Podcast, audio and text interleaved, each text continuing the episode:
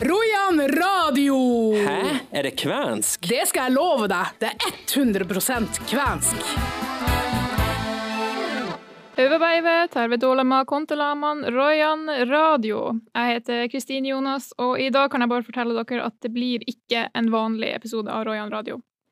Natt til mandag så sovna vår eh, kjære kollega Heidi Nylima Monsen stille inn på eh, Klinikk Alta som følge av kreftsykdommen hun har kjempa tappert mot de siste månedene. Eh, Og Heidi har gjort veldig mange ting i løpet av livet. Hun har vært eh, en fantastisk person som faktisk har vært med og starta opp det her radioshowet. Så derfor ønsker vi da å vie hele denne episoden til å hedre henne. Det fortjener hun faktisk.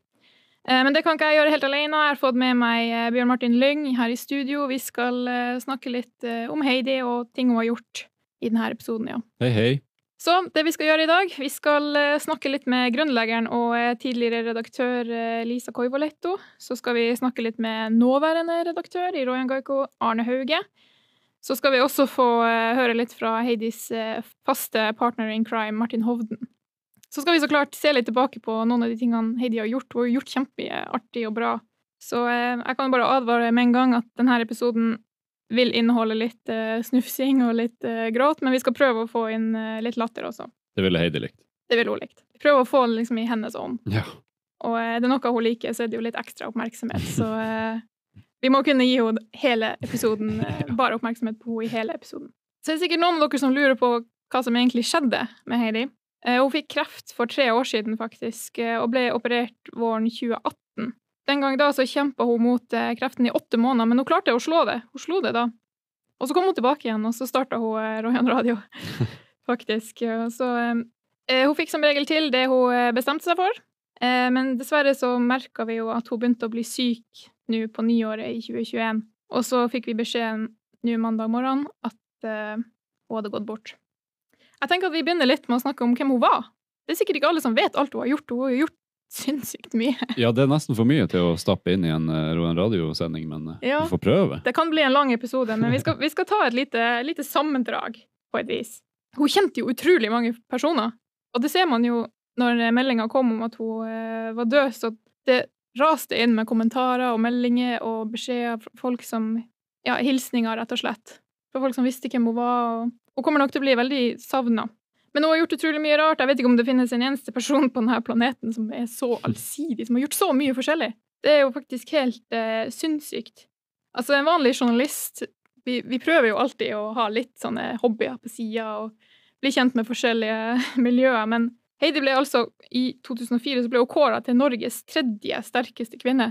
Det skal litt til å få til. Ja, så leste jeg, og det bestemte seg bare sånn litt før at Ja. eh, ja, hvorfor skal jeg bare bli en av de sterkeste i hele Norge? Ja, hvorfor ikke? Ja, hun skulle bare liksom begynne å trene litt. Ja. Så da ble hun faktisk, eh, som 26-åring Mm. til og med, så fikk hun bronse i eh, Norges første Strongwoman-konkurranse. Hun var faktisk den eneste deltakeren fra Nord-Norge. Jeg føler det er liksom litt viktig å peke ut, for da var hun faktisk den sterkeste dama i Nord-Norge. Eh, Men ja, hun har vært veldig interessert i sport. Hun jobber faktisk eh, som sportsjournalist i Finnmark Dagblad. Ikke bare har hun vært med i sport og jobba som journalist, hun har vært skuespiller. Det husker vi jo. Ja, Vi har jo vokst opp med, med den filmen. Jeg vet ikke om det finnes noen i hele Finnmark som ikke har sett Kill Buljo. Nei. Men hun hadde jo rollen som blowjob, eh, faktisk. Fantastisk navn på en karakter. Ja, den uh, muskelen i, i eh, bandittgjengen, hvis man kan kalle det det.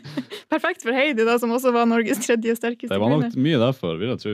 Så hvis dere ser Kill Buljo-filmen fra 2007, så legg et litt ekstra merke til Heidi, som faktisk hadde en rolle i en sånn stor film. Eh, Hun jobber som journalist i over 20 år. Hun begynte i Finnmark Dagblad som sagt, som sportsjournalist i 2007, og så kom hun over til Royan Gaigo i 2012. Og så innimellom der så var hun til og med nestleder og leder i Alta Venstre. Shit, ja, det har man glemt litt. Det var vel fra 2012 til 2013. Såpass, ja. Leder i Alta Venstre, det er utrolig bra gjort. Det er noe annet enn uh, å spille blowjob i, i Kill Der har du bredda til Heidi. Det, ja, det er bredt, ja. Ja. Du jobber ganske bredt, da. Eh, Men selv om hun endte opp som eh, journalist og har vært det de siste årene, så har hun faktisk en utdannelse innen reiseliv. Og har jobba på Nordlys hotell og alpinsenteret som er i Rossbotn her i Alta. Eh, det glemte jeg å nevne, men hun har jo faktisk også sykla Skydi Extreme. Jeg vet ikke om det er noen på Altaposten som ikke husker når hun sykla Skydi Extreme, for det var liksom hele livet hennes. Skikkelig engasjert. Du, Apropos det her alpinsenteret. Jeg hørte rykter om at det var hun som sto og bare trakk i den heisen hvis den stoppa, Ja, og fikk ja. alle til toppen. De hadde manuell heis. Ja, de hadde manuell. Hvis den stoppa opp, så var det Heidi som altså trakk alle bare til toppen igjen. da. Ja. Men jeg, vet ikke om det stemmer. Det er sånn hun ble kjent med så mange folk òg, for hun Ja. snakka jo med dem på tur når de var på tur opp, liksom. Eh, mange kjenner jo Heidi, vi kjenner jo henne som en kollega. Eh, men etter å ha snakka litt eh, med folk her rundt på huset, så er det jo faktisk veldig mange som kjenner henne som en venn òg. Mm. For hun var så utrolig lett å prate med, og man kunne liksom alltid komme til henne for å få litt eh, tull og tøys og latter. og det er liksom Hver lunsj så, eh, så var jo hun alltid midtpunktet, nesten. men men det, det ble jo bare sånn fordi hun hadde så herlig latter. og... Ja, du hørte henne fra andre sida av bygget. Ja, og da fikk man liksom litt lyst til å gå og spise lunsj, Ja. på, om så man hadde spist lunsj allerede. Så det var liksom en sånn magnet for alle sammen. Du visste i hvert fall at klokka var elleve. da. ja, Ja, om ikke du var sulten, så hørte du det. du hørte det. Ja, Vi kan jo ikke gå gjennom denne sendinga uten å få litt rom for latter. Heidi og eh, Martin Hovden har jo liksom vært den perfekte humorduoen. Og selve stemmen av eh, Royan Radio. Her har vi mange gode øyeblikk å ta ifra. Vi skal eh, trekke frem noen av dem. Mm. Men eh, det første vi må trekke fram, er jo kanskje noe av det mest utrolige de har gjort. Sammen, altså. De har gjort et forsøk på å covre We Are The Champions av Queen på kvensk.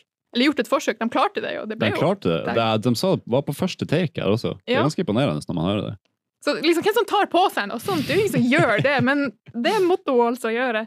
Så hun lever jo opp til eh, det her eh, navnet Kvendronninga, som hun flittig kalte seg sjøl. Jeg kommer da altså først eh, fra Misjonen. Det var jo dem som ga den lille utfordringa, altså Atle Antonsen og Johan Golden. Og så kommer det da Heidi og Martin med sin versjon. Ja, det er veldig bra, altså. Nei, men da må noen, Hvis det er noen kvener slash samer som hører på, så kan dere godt oversette noen linjer av skal vi ta We Are The Champions, for den er kanskje lett å forstå. Ja. Hvis dere kan oversette et refreng på We Are The Champions og sende inn til oss på misjon.p4.no, skal vi se om dette er liv laga. Vi- Jeg tipper fortsatt Jepp-ripepp. Det, Det det. det må det være. Og med en joik. Vi må ha med en joik eh, imellom der òg. Joik? Ja, men det er jo helt opplagt, er det ikke det? Jo, jo. Så det, må, Det er jo, det er jo istedenfor gitar. ja. Så, så det er jo det er joikesolos ja. så det suser, altså. Take it away. Det er, den, eh, er det ikke Bill May han heter? Han, eh, Nei, Brian May. Brian May, mener jeg. Han eh, gitaristen. Ja. Ja.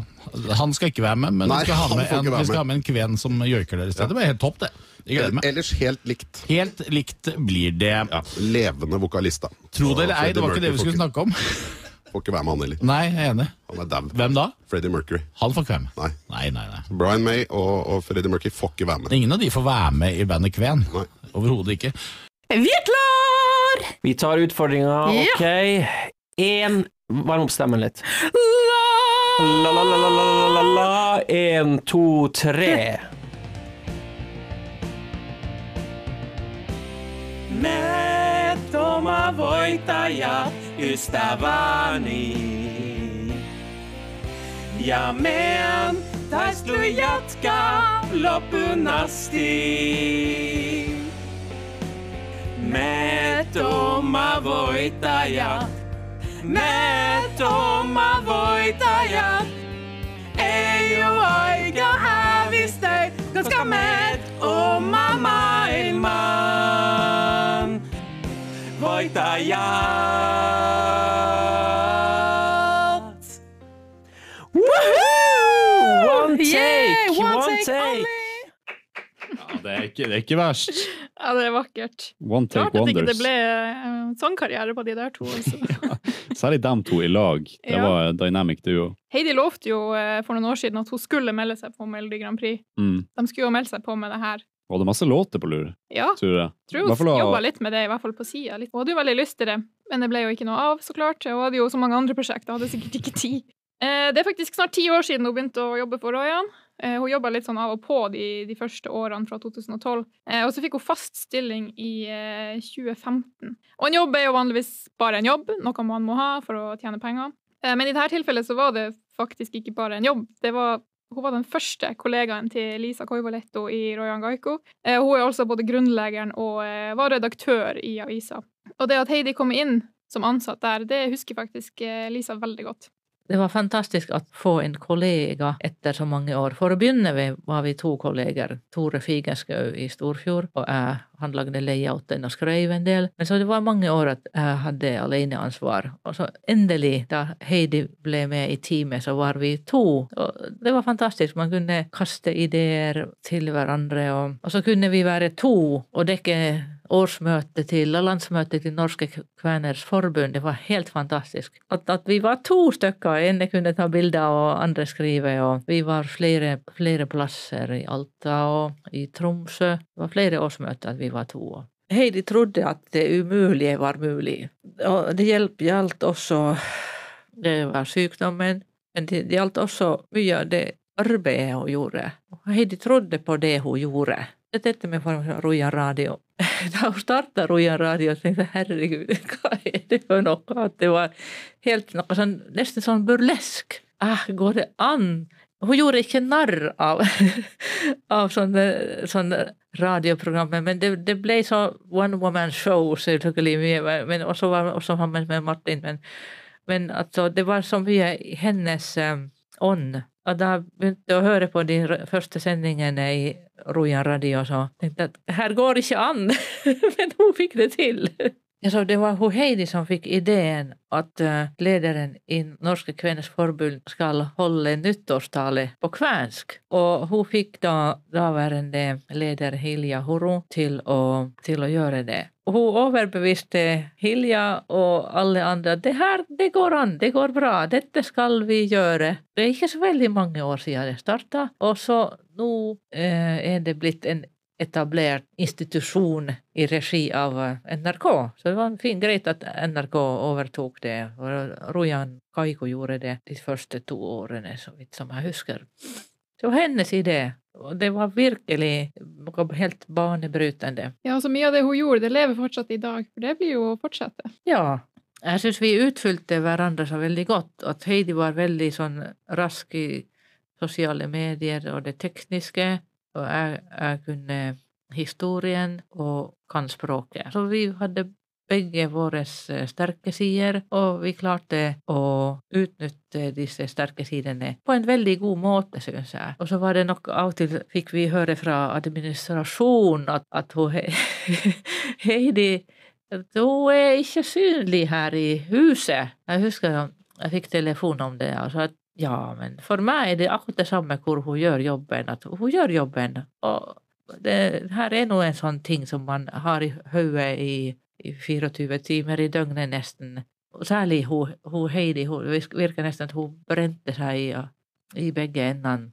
Og at, at, hun ikke er og, vises på, på kafferommet, så I Altaposten, så, så var det det var ikke noe viktig for meg. Hva som er, var hennes uh, sterkeste sider, vil du si? Jeg syns hun var, var, veldig god å skrive, og hun skriver med innlevelse, og hun gikk um, og hun klarte å formidle det som um, de menneskene hun møtte, de, hva de mente og følte, og kanskje ikke, ikke bare det de sa. Akkurat i disse dagene har jeg tenkt på at, uh, at hun um, levde liksom, mer enn 100 At uh, at hun fikk nå, selv om livet hennes ble ganske kort, så hun fikk nå gjort veldig mye, fordi at hun levde mer enn 100 Hun eh, sparte seg visst, og da hun ble syk, men selv om hun var syk, så, så skulle hun jobbe. Syns det var ganske tøft. Tøft gjort. Det var altså Lisa Koivoletto som eh, var grunnleggeren og tidligere redaktør i eh, Rojan Kaiko. Da har jeg funnet frem nok et klipp fra Heidis uh, spenstige karriere. Ja. Hun var jo som kjent uh, borte på besøk på Kvænbrygg borti Vadsø. Mm -hmm. Og fikk seg en liten uh, om, altså en liten rundtur. En liten snurr. En liten snurr. jeg vil ikke kalle det det, men en omvisning er vel det det heter. Men en, en snurr er jo også passende, for så vidt. For hun fikk jo smake på mesteparten av det de hadde der. Ja. Og jeg leita frem da det som er nummer åtte, og da er du jo godt ute i, i, rekka, for å si det sånn. Og det hører du på Heidi, for jeg begynner å bli litt varm i toppen, kan man kalle det det? Åh, jeg gleder meg til å høre. Det er mye latter i hvert fall i det her klippet. Nytt. Hvordan ser du at den, om den er klar eller Jeg ser på, jeg har, koda inn batchen her. så oh, ja, vet ok. når den blir Jeg trodde du så det på fargen Nei, nei, nei. eller noe fancy, men du bare så det på datostemplinga. Ja, det er datasettet okay. i tersken. Så jeg vet akkurat. Ok. Nei, det er faktisk den sjette, sjette det er, jo, egentlig tilfeldig, da. Men, mm. Mhm. eller tilfeldig, tilfeldig, men det ølet her Det er nummer er én? Nummer én. Det var det første ølet vi laga noen gang som vet til et produkt som vi skulle selge. Ja, den, er litt, den er egentlig litt for ung, okay. den eh, laga. Ja. Siden vi har vi må vi liksom, Så lenge den er lovlig. Ja, det er det. det er det. Den er helt uh, innafor. Vi passer vi nøye med det. Jeg skal, jeg skal prøve.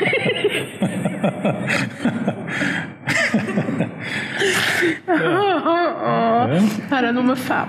Men Så det er nummer litt fire. mindre smaksprøver, tror jeg.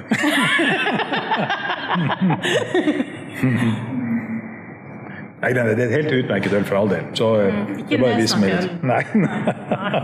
Men vi, har fått, vi får så mange gode tilbakemeldinger på sånn som den skal være. Mm. Så, eh, så vi er veldig begeistra for det. Salongbrisen, det er vel eh, det man kan kalle det der. Heidi Ja. på tur på Kvenbrygg. Jeg tror nesten jeg må fære og kjøpe meg noe Kvenbrygg og ta en, en liten skål for Heidi. Ja. Passer på at den er lovlig, da, så klart. Men, ja, pass på at den er lovlig. det, det er god humor. ja, og et godt eksempel på den herlige latteren. så vidt klarer å holde seg til å snakke der. Og Heidi har jo vært eh, faktisk leder for mye rart. Hun har vært eh, redaktør i Royan Gaiko også. Det er jo helt utrolig. Det er, selvfølgelig, ja. Det er ikke noe sjokk engang. Eh, hun ble redaktør i slutten av 2016, så hun var redaktør i to år. Men eh, gikk av da som følge av den første runden med kreft hun fikk. Og eh, etter hvert da så kom jo Arne Hauge inn. Han er jo han som er redaktør for øyeblikket. Og Heidi kom seg også tilbake i jobb. Og siden da har jo de to faktisk jobba ganske nært. Fordi de er de eneste ansatte som har kontor her i Alta. Så vi skal høre litt fra Arne. Han har kjempemye fint å si om Heidi etter de siste årene de har jobba sammen. Heidi var en eh, svært glad og entusiastisk person. Veldig omgjengelig og lett å ha med å gjøre. Og energisk også i forbindelse med jobben sin. Sånn vil jeg beskrive henne i korte trekk. Hva du tror hun eh, har hatt å si for eh, Royan Gaigo? Jeg tror Heidi har vært viktig, eller jeg vet at Heidi har vært viktig for Royan Kaiku, både som journalist og, og i de årene hun, hun jobba som redaktør. Hun har i betydelig grad vært med på å bygge opp Royan Kaiku til å komme dit hvor vi er i dag. Hvordan eh, var hun som ansatt? Eh, Du har jo vært sjefen hennes nå eh, noen år. Ja, ikke sant? Og Heidi hadde, hadde mange av de egenskapene man ser etter i en god journalist og også redaktør. Hun hadde en, en sterk interesse for det kvenske, og det er ingen hemmelighet at hun, hun tok det med et stort smil når man omtalte henne som kvendronningen. Hun likte å høre det. Ja. Kvendronninga med, med stålkontroll på hele det, det kvenske feltet. Eh, Jeg vil også betegne henne som en uredd journalist. Hun kvia seg aldri for å ta kontakt med folk. Hun var tvert imot veldig glad når hun fikk ha med folk å gjøre. Og så var hun, hun var rask, veldig kjapp på sosiale medier og kjapt å lage saker. Og så hadde hun da uten tvil et utrolig kontaktnett. Hun kjente alt og alle, og spesielt innenfor det kvenske feltet. En ting som alle la merke til ved Heidi, det var jo når det var lunsj og hun var der inne på lunsjrommet. For det, hennes latter er jo helt ubetalelig. Den triller og klinger over absolutt alt og alle andre. Så, men når det, gjelder, når det gjelder jobbmessig, så det jeg nok husker med aller størst glede, det er den entusiasmen hun hadde da Rojan Kaiku starta satsinga på det som du Kristine holder på med nå, nemlig radio. Hun heiv seg med liv og lyst inn i Rojan radio, og alltid med glimt i øyet. Og så fikk hun dratt inn kjentfolk i radioen, og det, det er kanskje noen av de øyeblikkene jeg husker best. Det er når, når plutselig så kom hun Heidi trillende og trallende forbi korridoren med Keiino på, på slep. Ja, det er jo et veldig spesielt øyeblikk. Ikke sant? På tur inn til eh, vårt eget kvenske store studio. Og ikke nok med det, for uka etterpå, ja da kunne det plutselig dukke opp en statsråd. Raymond Robertsen gikk forbi. Alltid må Heidi sånn livete og, og, og trillende og pratsom ved siden av. Og så uka etter der igjen, eller kanskje noen uker senere, så, så gikk plutselig en fyr forbi som han kjente igjen fra Grand Prix, han Per Sundnes. Han fra Melodi Grand Prix, han jobba jo der før. Så og Det er kanskje noe av det jeg husker best, at hun var så uredd i møte med kjente folk. Og det, jeg må nok si at det virka som hun Heidi følte seg som plommen i egget når hun hadde med, med kjendisen å gjøre. Det er kanskje noe av det som har som jeg husker best. Men det å jobbe med, med avis som Røyan Kaiku, det betyr jo også at man må sette seg ned på stolen og, og faktisk jobbe. Og det gjorde hun også med stor entusiasme når hun skrev ut sakene sine. Hun hadde et folkelig og blomstrende språk, som man kaller det, som jeg tror leserne våre, eller jeg vet at leserne våre i stor grad likte det hun skrev. Selv om det av og til kunne kanskje bli litt for entusiastisk over tastaturet. og Da, da hendte det at hun Heidi måtte inn etterpå og kutte litt med saksa, for det kunne ta litt av og bli litt langt innimellom. Jeg tror Heidi innerst inne brant spesielt varmt for kveninåret, kvenungdommen. Og som du vet, så de, de har jo slitt i årevis med altfor lite midler fra statlig hold til driften sin. Og Heidi mislikte at kvener, og spesielt unge kvener, ble utsatt for sånn type økonomisk smålighet og urett. Og Da kunne hun forfølge saken som en klegg. Og Den kvenske kleggen slår til igjen, det var noe jeg ofte hørte henne si når vi jobba tett i lag. Når hun Heidi følte at saken var i boks, at hun hadde fått hull på den saken, som vi sier på journalistspråket. Så, så det, kan nok, det, kan jeg si med hånda på hjertet at når det gjelder hennes kontaktnett og glødende entusiasme for det kvenske, så var det en utfordring å komme inn i Rojan Kaiku som redaktør for å skulle hoppe etter Wirkola. Så syns jeg det er rart å tenke på at, og vemodig å tenke på at den reportasjen som står nå på side 14 og 15 i, i, i maiutgaven av Rojan Kaiku, det ble Heidi sin aller siste. Og den, den, Saken handler om ei gammel kvenøk som Nord-Troms museum ville rekonstruere. Men pga. sykdom så rakk hun ikke å gjøre den ferdig, og, og derfor står den saken med, med to navn. Heidi Nilima Monsen og Kristine Jonas. Du måtte gå inn der og hjelpe å få den helt ferdig. Og Det, det syns jeg er vemodig å tenke på. Jeg tror alle her husker når eh, Heidi henta inn Keiino. Og så når hun henta dem inn på nytt igjen og på nytt igjen. ja, De var fast innslag her. De ble skikkelig gode venner, det kan man si. Ja, men det er jo litt det sånn som Arne sier, at det var ikke noe skummelt for henne å bare gå rundt og, og bare gå og prate til kjendiser, mm. liksom. Det var ja, bare som å prate til en vanlig person.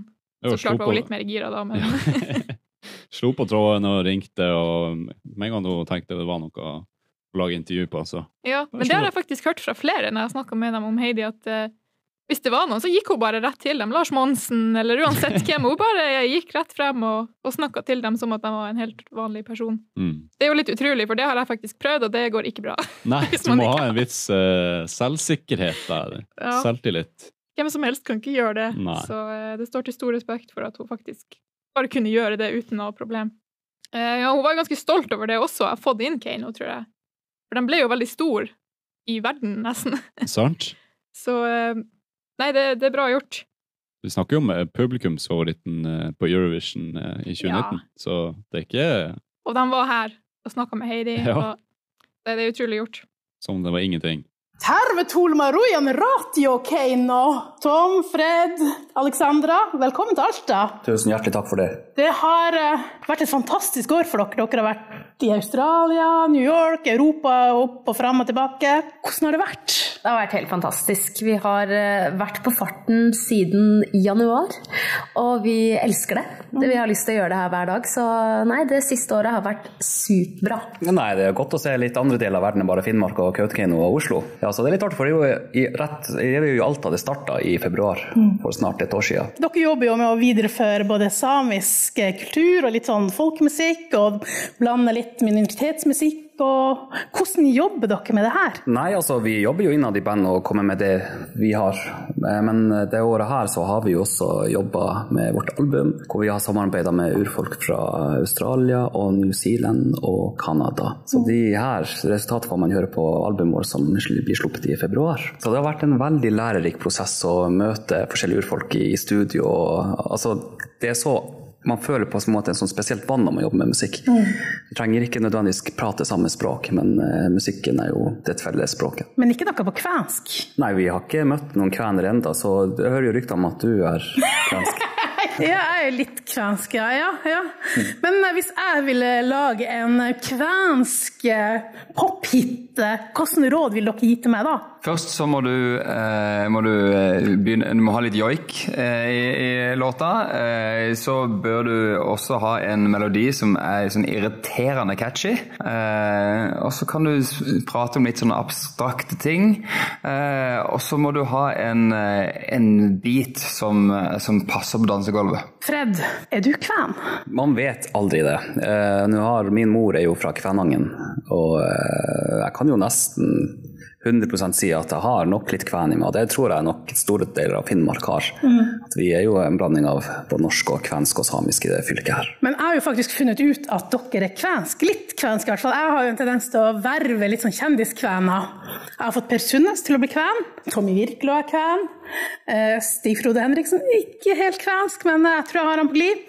Eh, Bilal fra Stjernekamp. Han har kvenske aner. Visste dere at Keiino er det kvenske ord for vei og retning? Så dere er litt kvensk. Jo, takk for det. Det var også litt av inspirasjonen bak det navnet, for eh, vi jobba jo med en finsk produsent, og så møttes vi alle på midten, på midtveis. Ikke sant? Så det er litt sånn symbol for det, da. Hver og en av oss hadde jo en karriere før Keiino, men det var først når Keiino viste oss veien til suksess at vi klarte det. Kult, kult. Så, Men blir det noe kvensk retning eh, for Keiino nå?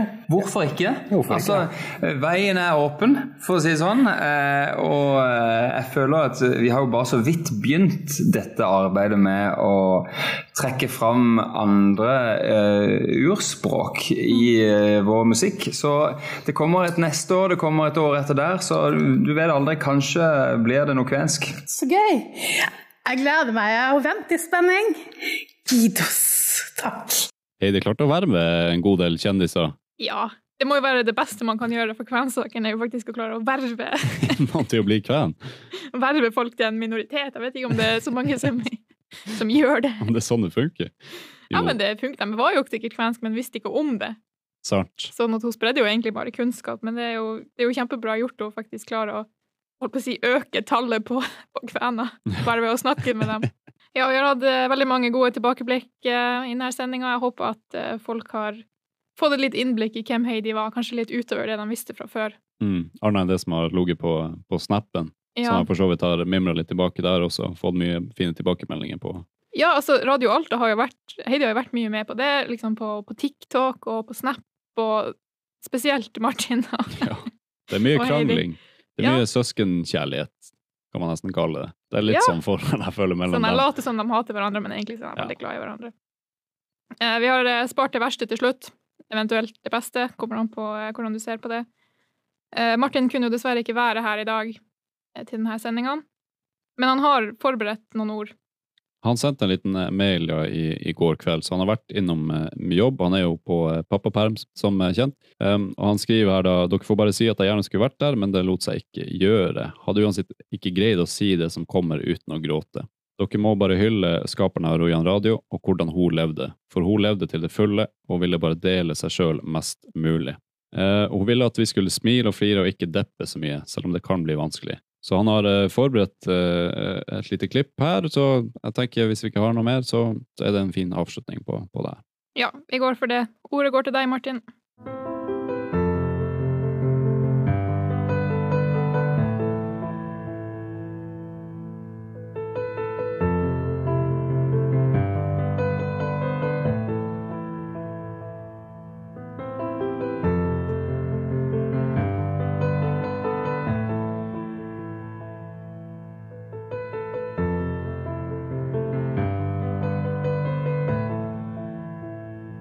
Når jeg tenker på Heidi, så tenker jeg på et skikkelig ja-menneske. Jeg tenker på et bredt smil og tørr humor, blanda med en god porsjon selvironi, hver eneste dag rundt kvart på åtte. Jeg tenker på en person som ikke lot seg påvirke, men som gjorde ting på sin måte, uansett hvor rart eller uortodoks jeg eller andre mente det var. Og det kjennetegner noen som vet hvem dem er. Og du visste hvem du var. Du var den kuleste kvennen i Kvenvik. Jeg har alltid misunt deg, Heidi. Misunt din evne til å gjøre hver dag om til en ny mulighet. Du hadde alltid planer. Om det var sykling, eller snekring, eller om du skulle male stua di rosa, så hadde du alltid noe på gang. Og mest av alt så likte du å være med andre mennesker. Det var det beste du visste. Du likte ikke å være alene, og jeg kunne se at du var litt ensom iblant. Du skjulte det godt, men jeg kunne se det. Jeg tror det største savnet du hadde i ditt altfor korte liv, det var at du ikke møtte den store kjærligheten. Men det var jo fint for oss andre, for vi ble jo overøsa med varme og godhet hver eneste dag, og det vil jeg takke deg for. Og selv om du kanskje følte deg ensom, så var du ikke det. Du elska jo sosiale medier. Og hadde du visst hvor mange som har reagert etter at du dro, så hadde du smilt fra kinn til kinn. Du har satt dine spor, du har berørt mange, og du var elska mer enn du kunne ane. Jeg kommer til å savne den gode klemmen din, humoren din, og ikke minst den daglige slåsskampen som jeg alltid tapte. Siste sak er nå levert, Monsen. Rittet det er fullført, og sendinga den er over. Og nå fortjener du virkelig å få hvile.